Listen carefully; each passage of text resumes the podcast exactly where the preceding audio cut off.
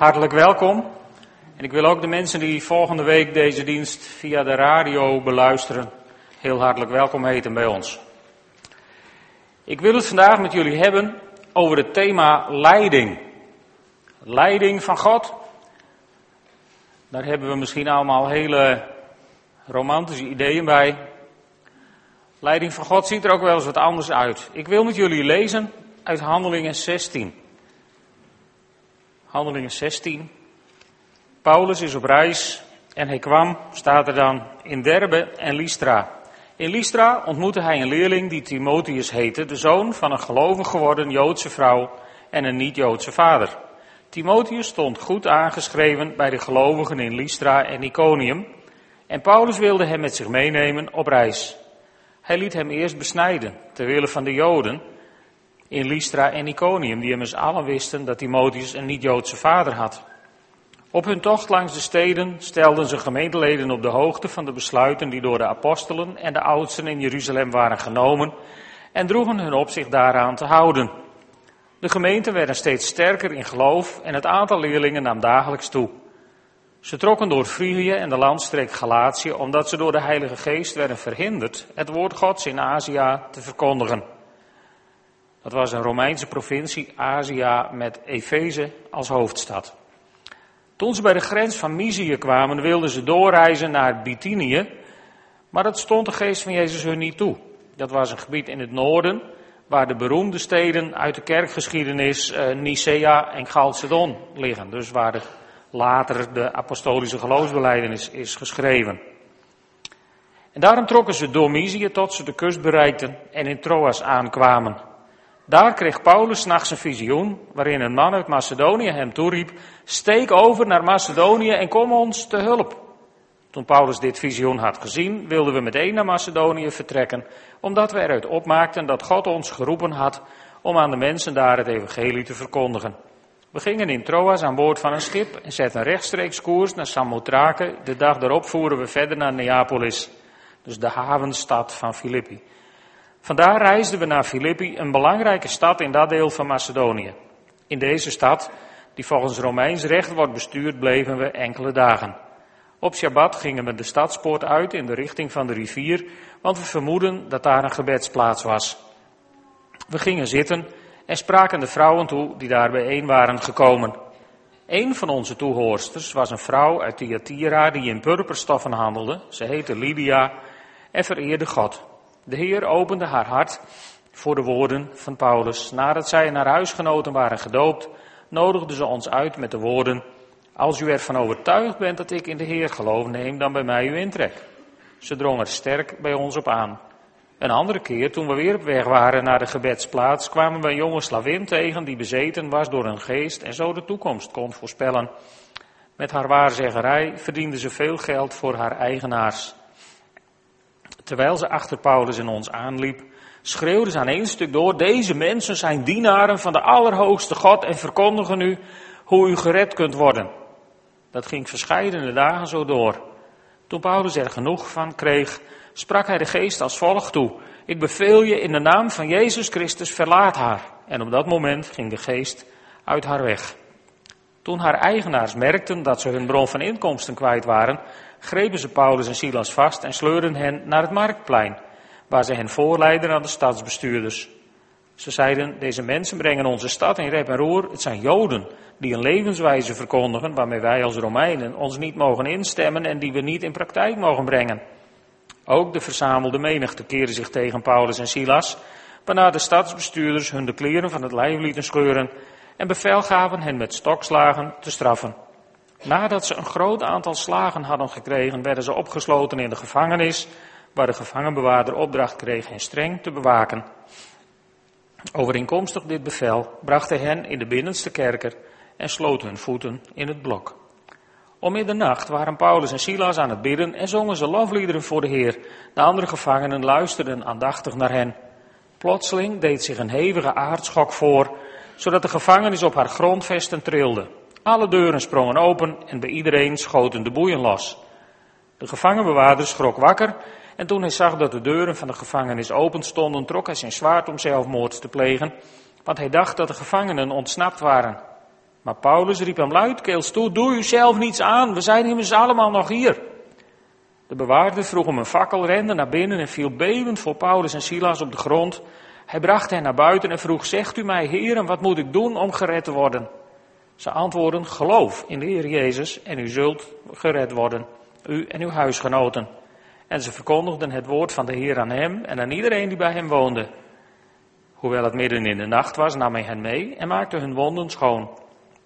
Meteen daarna werden hij en zijn huisgenoten gedoopt. Hij bracht hen naar zijn woning boven de gevangenis en zette hun daar een maaltijd voor. Hij en al zijn huisgenoten waren buitengewoon verheugd dat hij nu in God geloofde. Bij het aanbreken van de dag zonden de stadsbestuurders enkele gerechtsdienaars naar de gevangenis met de opdracht om Paulus en Silas vrij te laten. De gevangenbewaarder stelde Paulus daarvan op de hoogte. Het stadsbestuur heeft mensen gestuurd om u vrij te laten. U mag dus vertrekken, ga in vrede.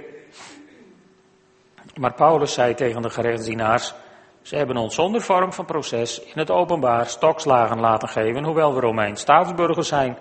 Daarna hebben ze ons in de gevangenis opgesloten en nu willen ze ons heimelijk laten gaan. Geen sprake van. Laat ze zelf maar komen om ons vrij te laten. De gerechtsdienaars brachten deze woorden over aan de stadsbestuurders, wie de schrik om het hart sloeg toen ze hoorden dat Paulus en Silas Romeinse burgers waren. Dus gingen ze zelf naar de gevangenis, spraken op vriendelijke toon tegen hen en lieten hen vrij met het verzoek uit de stad te vertrekken. Paulus en Silas verlieten de gevangenis en gingen naar het huis van Lydia, waar ze de gelovigen aantroffen. Na hen bemoedigend te hebben toegesproken, vertrokken ze. Een Bijbelgedeelte over leiding van God, zou je kunnen zeggen. Een mooi verhaal ook. Het ging, uh, het ging goed met de gemeente. Want uh, er was groei in kwantiteit. Ze werden steeds sterker in het geloof, hebben we gelezen. En er was ook groei in kwantiteit, dus in kwaliteit. Het ging goed in kwantiteit, want er kwamen steeds meer leerlingen. En er kwam zowel nog een medewerker bij. Timotheus werd gevonden en toegerust. Dus je zou kunnen zeggen, de gemeente die de wind goed in de zeilen had. Het ging fantastisch. Alleen, op een of andere manier werkte God niet mee. Dat heb je soms in het leven. Tenminste, zo lijkt het soms. Dan doet hij het niet.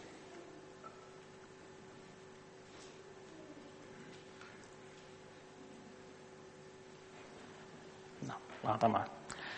Dus zo lijkt het soms. Het, het zat even tegen. Ze mochten uh, niet naar het noorden, want dat wilde niet.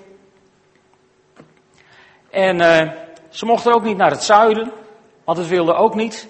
En wat gebeurde er nou? De geest van God liet het hun op een of andere manier gewoon niet toe.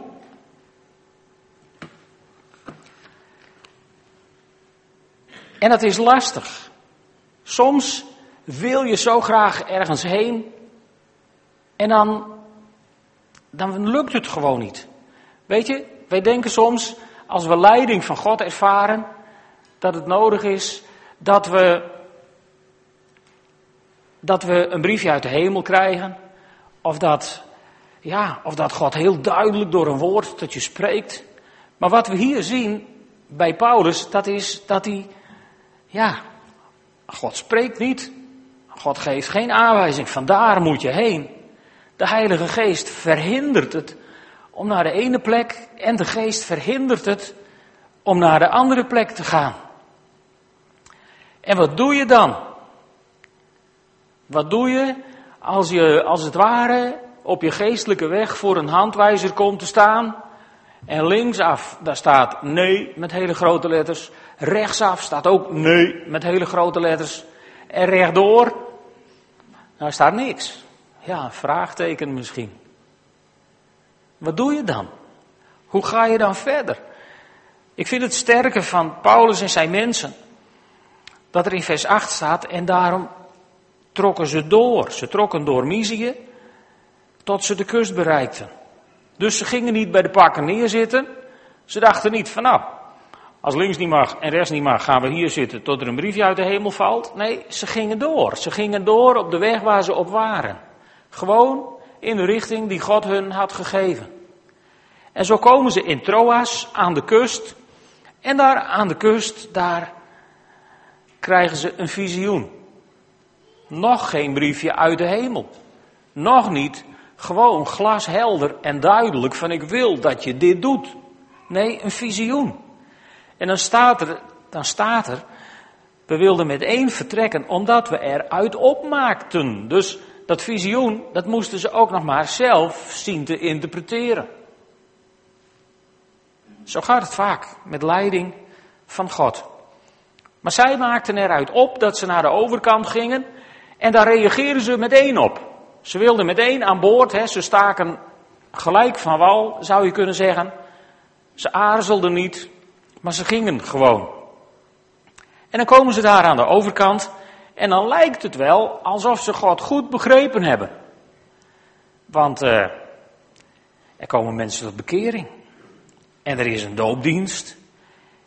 En ze vinden een onderdak. Met andere woorden, alles wat je hartje begeert als evangelist, dat was er. En, en het leek wel alsof God, ja, alsof God het er mee eens was met de keus die ze hadden gemaakt.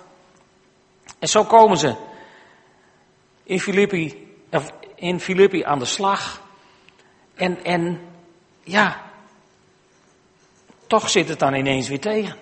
Want Satan komt in actie. Er komt zo'n waarzegster. En, en die doet typisch iets wat de duivel wel vaker doet. Namelijk niet liegen, maar gewoon de waarheid zeggen. Want dat meisje wat achter hen aanliep, betere reclame zou je niet kunnen wensen bijna. Het kwam alleen uit de verkeerde bron. En op een gegeven moment heeft Paulus er genoeg van. En bestraft hij datgene wat er gebeurt. En dan, ja, dan heb je de poppen aan het dansen. Want dan zijn er ineens mensen die merken van ja, het evangelie is wel leuk, maar nu kost het geld. Weet je, Satan is wat dat betreft niet erg creatief in, in zijn middelen. Als het gaat over weerstand tegen het geloof, dan gaat het over economische belangen. Of het gaat om vervolging van Joden. Het zijn eigenlijk de twee hoofdrecepten die de duivel ergens ooit heeft bedacht. En, en die vind je nog steeds, ook toen al. Ook toen al. Want er kwam ellende omdat het geld kostte en het excuus wat ze gebruikten, dat was het zijn Joden. Ja. En daar zit je dan. In de gevangenis. Je rugbond in blauw, je voeten in het blok. Niet wetend hoe het morgen verder zal gaan. En dan komen die vragen op je af. Was het nu Gods leiding dat we naar de overkant zijn gevaren? Of was het een valstrik van Satan? Of hebben we gewoon maar uit ons eigen vlees iets bedacht? Waar hebben we de boot gemist? Dat zou heel goed kunnen, hè? Dat je daar zo komt te zitten. En dan zou je zeggen, het is tijd voor een klaaglied. Een klaagzang. Arme wij, hier zitten we dan. God nergens te bespeuren. Maar dat doen ze niet. Nee, Paulus en Timotheus, die doen iets heel wonderlijks. Die heffen geen klaagzang aan, maar ze zingen een loflied. Je vraagt je dan af, wat, wat, zouden ze, wat zouden ze gezongen hebben? Wat zouden ze eigenlijk gezongen hebben? Kom met uw genade, Heer, kun je je iets bij voorstellen als hij daar zo zit. Maar prijs onze Heer. U bent heilig. Halleluja. Groot is Hij, dat we naar de preek gaan zingen. Wat zouden ze gezongen hebben in die gevangenis? In ieder geval een loflied om God te verheerlijken. En dat had nogal een schokeffect. Want er komt een aardbeving. En de gevangenisdeuren, de deuren van de gevangenis springen open en de boeien gaan los. En wonderlijk allemaal wat er gebeurt. Wat je in ieder geval daar ziet, is dat een lofzang aanheffen als het tegenzit, een bevrijdende werking heeft. Het doet iets bijzonders met je. Het opent je ook om, denk ik, de stem van God beter te verstaan. Over die bevrijdende werking van, van aanbidding, van God loven en prijzen. Er staan hele mooie dingen in de Bijbel. Een paar versen wil ik jullie even mee naartoe nemen in Genesis 29. Het gaat over dat meisje wat onder dwang door haar vader was uitgehuwelijkt. Waarschijnlijk in een goede zwarte boerka gestopt, zodat niemand haar herkende. En ze trouwde met Jacob in plaats van haar zusje. Later krijgt Jacob ook het mooie zusje waar hij van houdt. En dit vrouwtje, dat is, ja, je kunt je voorstellen, doodongelukkig. Ze krijgt een kindje. En we, we hebben vandaag twee kindjes aan de Heer opgedragen. En je hebt de blijdschap over dat nieuwe leven op de gezichten van de ouders kunnen zien. We hebben ons ook als gemeente erover verheugd, over nieuw leven. En stel je nou voor dat een nieuw leven ontstaat en de enige opmerking die je nog hebt als verse moeder is, God heeft mijn ellende gezien. Dat zegt toch iets over, over de toestand waar je in zit. Ze krijgt weer een kindje en dan is haar uitspraak, de Heer heeft gehoord hoe weinig mijn man van me houdt. Krijgt een derde kindje, je zou zeggen het kan niet op.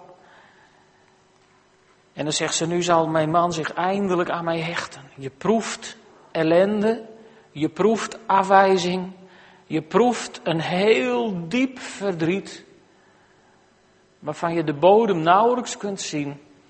En dan krijgt ze een vierde kindje. Nog een keer werd ze zwanger en bracht een zoon ter wereld. Nu zal ik de Heere loven, riep ze uit en ze noemde hem Jehuda, Juda. Nu zal ik de Heere loven.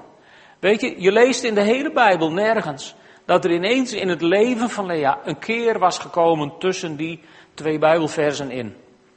Je leest nergens dat Rachel uit de weg was, of dat Jacob ineens zielsveel van haar hield, of niks. Niks. Haar situatie is niet veranderd, maar in haar denken heeft ze een cruciale beslissing genomen. En heeft ze gezegd, en nu zal ik de Heer loven. En, en overal waar je leest over Juda, daar zie je dat Juda voorop moet gaan, aan de winnende hand is. De scepter zal niet wijken van Juda, wordt er door Jacob later over geprofiteerd. En de schrijver van de meeste lofliederen in de Bijbel, en misschien hebben ze daar wel een van gezongen, was koning David uit de stam van Juda. En uiteindelijk kwam uit de stam van Juda Jezus Christus, onze Heer en zaligmaker. Dus het besluit om God te gaan loven en God te gaan prijzen had nogal verstrekkende gevolgen. En weet je hoe Gods leiding in jouw leven er ook uitziet? De manier waarop je ermee omgaat, heeft ingrijpende gevolgen. Als je boos in een hoekje gaat zitten, dan zit je echt in de gevangenis. Met je voeten in het blok. En als hij dan een klaagzang aanheft, dan zing je jezelf inderdaad naar de diepste kerker, in de diepste put. En raak je het licht, het zicht op het licht, raak je steeds meer kwijt. Als je erin slaagt, en dat is niet je eigen kracht, maar dat is dat, dat, dat is dat subtiele werk van de Heilige Geest in het binnenste van een mens die God kent, als je erin slaagt om geen klaagzang aan te heffen, maar een loflied aan te heffen, God te loven en te prijzen, dan doet dat iets met je. Dan maakt dat je vrij van zelfmedelijden. Het maakt je vrij van boeien, van neerslachtigheid. Het maakt je vrij van noem het maar op in jouw eigen leven. Lofliederen hebben een bevrijdende werking. En zo gaat het ook met Paulus en Timotheus. Ze kiezen ervoor om een loflied aan te heffen. En, en als dat je hartsgesteldheid wordt, dan wordt je hele hartsgesteldheid wordt anders. Want in het leven van Paulus en Silas in deze situatie doet plotseling iets heel moois zijn intreden, namelijk genade. genade. Want ja, daar zit je dan. Onder in die gevangenis ineens zijn alle deuren open. En je boeien vallen af. En het blok zal ook wel opengesprongen zijn. En dan heb je nog één probleem. Die man met dat grote zwaard daarboven. En, en, en die maakt aanstalten om zelfmoord te plegen. En je zou zeggen, doe maar jongen, ga je gang, want dan kunnen we naar huis. Dan kunnen we eruit. Ik bedoel, hoe minder gevangenbewaarders, hoe beter in deze situatie. Dus ieder mens zou gedacht hebben van nou, steek jezelf maar dood. Dat scheelt ons een hoop gedoe. En dan kunnen wij eruit. Maar nee, Paulus die roept hem toe, doe jezelf niks aan. We zijn hier allemaal nog en we lopen niet weg. Wonderlijk. Wonderlijk. Wonderlijk. We lopen niet weg, maar we wachten op hoe het verder gaat. Het lijkt een beetje op mensen die in, in welke situatie dan ook kunnen zeggen: Gods weg is de beste. Kennen jullie dat liedje uit opwekking? Gods weg is de beste, de beste altijd. Gods weg is de beste, waarheen Hij jou ook leidt. Dat is makkelijk zingen, een leuke meezinger als het je voor de wind gaat. Maar als Gods leiding nou even bestaat uit nee, nee, vraagteken, is Gods weg dan nog de beste? Nou ja, Gods weg is de beste. Maar je ziet het niet altijd. Je zit wel eens in een situatie waarin je, waarin je dat absoluut zo niet voelt. Zo niet beleeft. En toch is Gods weg de beste. En dat ga je ontdekken als je, als je de keus weet te maken, de omslag weet te maken van de klaagzang naar het loflied. Dan wordt Gods leiding ineens anders. Het licht erop verandert.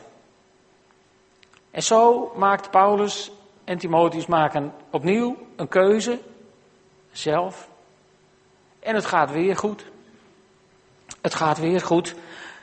De gevangenbewaarder volgde automatisch hetzelfde patroon van Handelingen 2, vers 37. In Handelingen 2 heeft Petrus de preek van zijn leven gehouden. En aan het eind van de preek zeggen de mensen: Wat moeten wij doen om behouden te worden? En het mooie is, die gevangenbewaarder stelt exact dezelfde vraag: Wat moet ik doen om gered te worden? En dan krijgt hij alleen een heel ander antwoord dan de Joden in Handelingen 2. De Joden in Handelingen 2, vers 38, die krijgen als antwoord: keer u af van uw huidige leven en laat u dopen, enzovoort. Dus bekeer je en laat je dopen. Dat is het antwoord voor de Joden, voor hen die het konden weten. Voor hen die het niet konden weten, zoals deze gevangenbewaarder, is het antwoord wat Paulus geeft geloof in de Heer Jezus en u zult gered worden. Geloven alleen. Dat is kennelijk het antwoord voor de heiden. Het was al eerder vertoond in Handelingen 8, vers 37, waar Filippus op weg is met de kamerling. Je kent het verhaal misschien wel. Hij legt de kamerling het evangelie uit en die ziet water en die zegt, en wat is er tegen dat ik gedoopt word? En Filippus had kunnen zeggen, nou, je moet eerst een jaar naar catechisatie, want je weet helemaal nog niet waar het over gaat. En je hebt nog geen flauw idee wat we precies bedoelen. En, en begrijp je het nou wel helemaal? En, en niks. Filippus die geeft hem als antwoord, als u met heel uw hart gelooft, is het geoorloofd. Geloven alleen. We komen die tekst, een hele mooie tekst daarover tegen. En dat is de tekst die Luther tegenkwam, waardoor, zeg maar, het gedoe in zijn leven begon.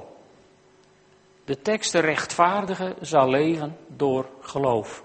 De rechtvaardige zal niet leven door wat hij allemaal presteert. De rechtvaardige zal niet leven door wat hij allemaal weet, of wat hij allemaal kan, of wat hij allemaal doet. De rechtvaardige zal leven door geloof. Dat staat in Romeinen 1, vers 17. Het staat ook in Galaten 3, vers 11. Maar het staat nog een keer in de Bijbel. Waar, waar, staat het, waar komt het vandaan? Er staat, er staat namelijk in Galaten Want er staat geschreven, de rechtvaardige zal leven door geloof. Dus het is een citaat uit het Oude Testament. Enig idee waar hij vandaan komt? Nee. Hij staat in Habakkuk. Ja. Hij staat in Habakkuk. Kees heeft een studiebijbel op schoot. Kijk. ja. Hij staat in Habakkuk. In Habakkuk 2 vers 4. Daar staat ook de rechtvaardige zal leven. Ja, door zijn trouw staat er in de nieuwe bijbelvertaling. Maar goed, trouw en geloof is in het Grieks hetzelfde woord. Dus daar staat het. En toen ik dat in de, in de voorbereiding ontdekte. Toen kwam ik ineens terecht in een, een heel belangrijk stukje van de Bijbel. je wilt leiding van God ervaren over je leven. In 1991 zaten wij in Zwaagwesteinde in de kerk. Marine Zerkje waren er ook. Er waren een paar jonge profeten. En daar zal van alles fout gegaan zijn. Theologisch gezien, dat geloof ik ogenblikkelijk. Maar het waren mannen die, die vol van de Heilige Geest iets in ons deden. En ik was mede verantwoordelijk voor het gebeuren. En weet je, dan zit je daar in de dienst. In een fase waarin, ja, waarin ik toen zat. Ik had mijn bedrijf verkocht en ik had theologie gestudeerd. En ik was heftig op zoek van, heer, hoe nu verder? En dan zijn er twee profeten, denk je, yes, nu ga ik het horen. En, en iedereen kreeg profetieën. De ene nog exotischer dan de andere. Behalve ik. Dus het werd wat later en nog wat later en nog wat later. En ik werd wat bozer en nog wat bozer en nog wat bozer. En zo boos op God. Teleurgesteld. Maar goed, aan het eind van de dienst als allerlaatste kwam, kwamen, ze, kwamen, kwamen ze naar me toe. En toen kreeg ik een profetie. Zo spreekt de Heer. Op zijn Engels. Though it tarries, wait for it. Toen was ik nog veel bozer. Want ik wilde weten waar naartoe. En het enige woord wat ik van God kreeg, dat was als het uitblijft, wacht erop. Daar zat ik niet op te wachten. Ik wist ook niet dat het in de Bijbel stond, though it tarries, wait for it. Ik was ook absoluut niet in de stemming om het op te zoeken. Maar een paar jaar later zat ik achter mijn computer, in mijn computerbijbel. En ineens kreeg ik zo'n ingeving, though it wait for it. Liet het nou in de Bijbel staan, in Habakkuk 2. En toen ben ik dat gaan lezen, nog eens een keer. Dat is een heel mooi stukje. Habakkuk 2, vanaf vers 2. Dit was het antwoord van de Heer. Schrijf dit visioen op. Grif het duidelijk in platen, zodat het snel te lezen is. Het visioen wacht tot zijn tijd gekomen is. Het getuigt ervan. Het liegt niet. Ook al is het nog niet vervuld. En dan komt hij, wacht maar. Maar dan staat erachter, het komt zeker, het zal niet uitblijven. Maar wie niet oprecht is, kwijnt weg. Maar de rechtvaardige zal leven door zijn trouw. Als ik die profetie niet had gehad, had ik hier vandaag al lang niet meer in de bediening verstaan. Dan had ik al lang de lier aan de wilgen gehangen. Want het is, het is niet op één hand, het is niet op twee handen te tellen. De situaties waarin ik herinnerd werd aan dit woord van God. Als het uitblijft, wacht erop. Wacht erop, wacht erop. Leiding van God is niet altijd romantisch. Leiding van God is niet altijd glashelder. Dat moet je gaan doen. Leiding van God is in mijn leven, heb ik ervaren, heel vaak geweest. Van nou, probeer dit maar, probeer dat maar. Later kreeg ik nog eens in Duitsland op een conferentie een woord van iemand en die zei: ik zie jou in een ruimte met heel veel deuren en God zegt, je mag ze allemaal proberen. En ik dacht, waarom hangt er niet aan één deur een bordje van hierheen? Dat was toch veel simpeler, of niet? En dan krijg je dat gevoel wat je bij zo'n televisiequiz ook hebt, hè? van je mag, je mag het proberen, maar als je de verkeerde deur opent, ben je af. Kijk dat? Hoe weinig vertrouwen had ik toen nog in God. Dat is echt niet te geloven. Want zo is God natuurlijk niet. Mijn God is niet zo. Je mag het één keer proberen en dan ben je af. Nee hoor, je mag het twee keer proberen en dan ben je nog niet af. Je mag het duizend keer proberen en dan ben je bij God nog niet af. Want je mag het blijven proberen tot je de deur hebt gevonden die voor jou open is. En die de weg aangeeft waar God je wil hebben. En misschien zijn er wel meer deuren dan één open in hem. Ik ben er eigenlijk van overtuigd dat er in een mensenleven meer deuren open zijn dan die ene. Maar wat God van je wil, is dat je zoekt naar zijn wil voor jouw leven. Zoals Paulus en, Timotheus zochten naar Gods wil voor hun leven. Eerst dachten ze, we gaan naar Efeze. dat was een goed idee. Efeze was voor Azië de meest strategische plek die je zou kunnen bedenken. Er was namelijk een rivier van de zee en al het handelsverkeer voor dat hele gebied kwam langs Efeze. Was heel slim om daar naartoe te gaan. Op zijn volgende zendingsreis mocht hij er ook naartoe. En bleef hij daar twee jaar. En toen Johannes later in openbaring zijn brieven schreef, waren dat allemaal gemeentes rondom Efeze. Was een goede keus. Maar de geest verhinderde het, want het was Gods tijd kennelijk nog niet. Later kwamen ze er even zo goed. En, en toen ze naar, naar Nicea wilden, toen dacht God, nee, nu nog niet. Daar is het concilie, stond later op de agenda, daar mochten ze niet heen.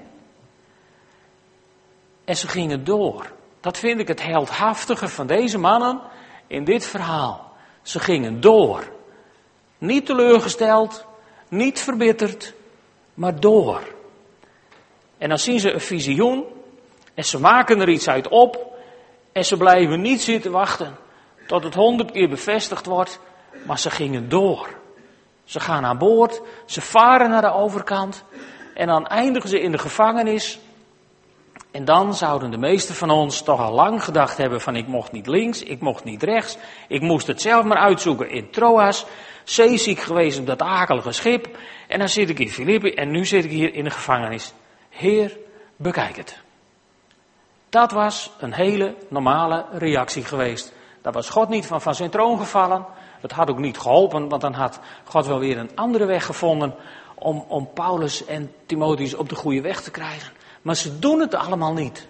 Ze zitten daar in die gevangenis en dan heffen ze een loflied aan om God te loven en te prijzen.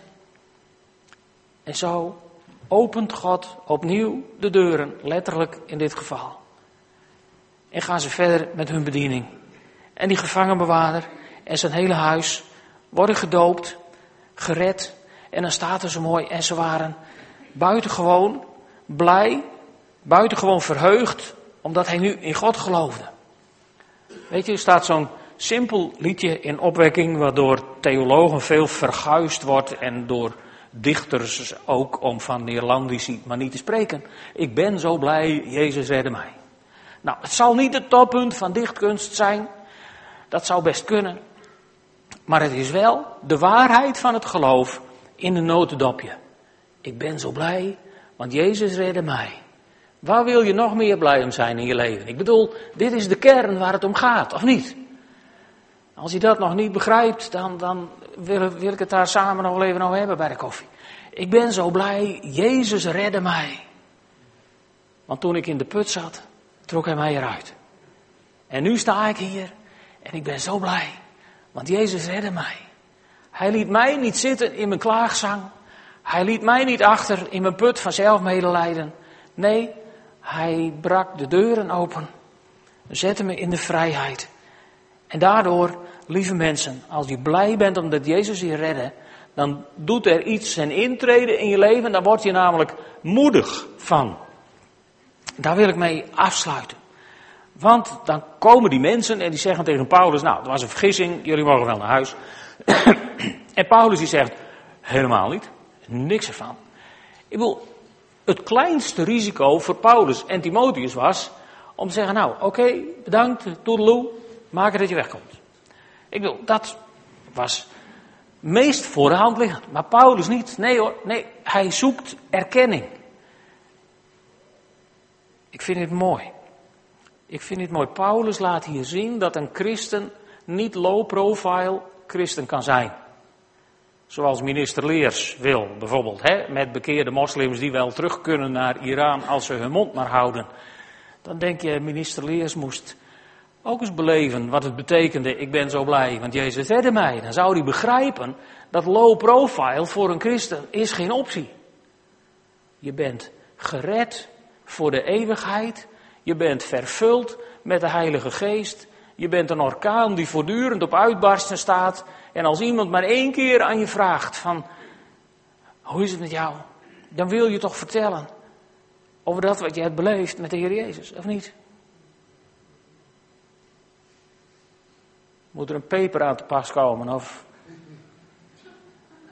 Wij zijn toch gered voor de eeuwigheid, of niet? Ja, dat klinkt echt zo, amen. Je kan het ook niet helpen. Maar, lieve mensen, dit is het grootste nieuws wat ooit in het universum is verkondigd. Door het bloed van Jezus Christus ben jij en ik gered voor de eeuwigheid. Ik ben zo blij, want Jezus redde mij. Halleluja. En dat kan niet low profile. Dat komt eruit of je wilt of niet.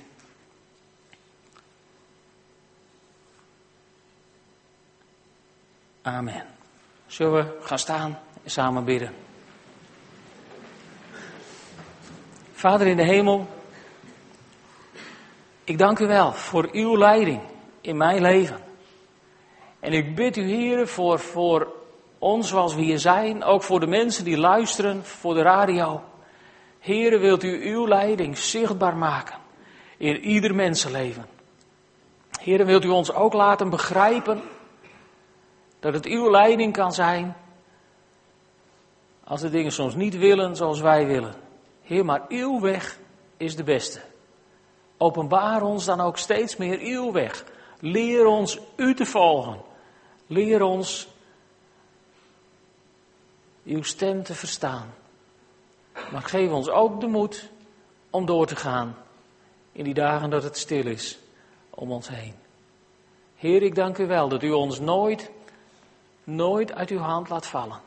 Wat u één keer bent begonnen, Heer, dat maakt u af. In mijn leven, in onze levens, in de leventjes van Andries en Aaron. U maakt het af, Heer, want u laat nooit uit uw hand vallen wat u één keer begon. Daar prijs ik u voor in Jezus' naam. Amen.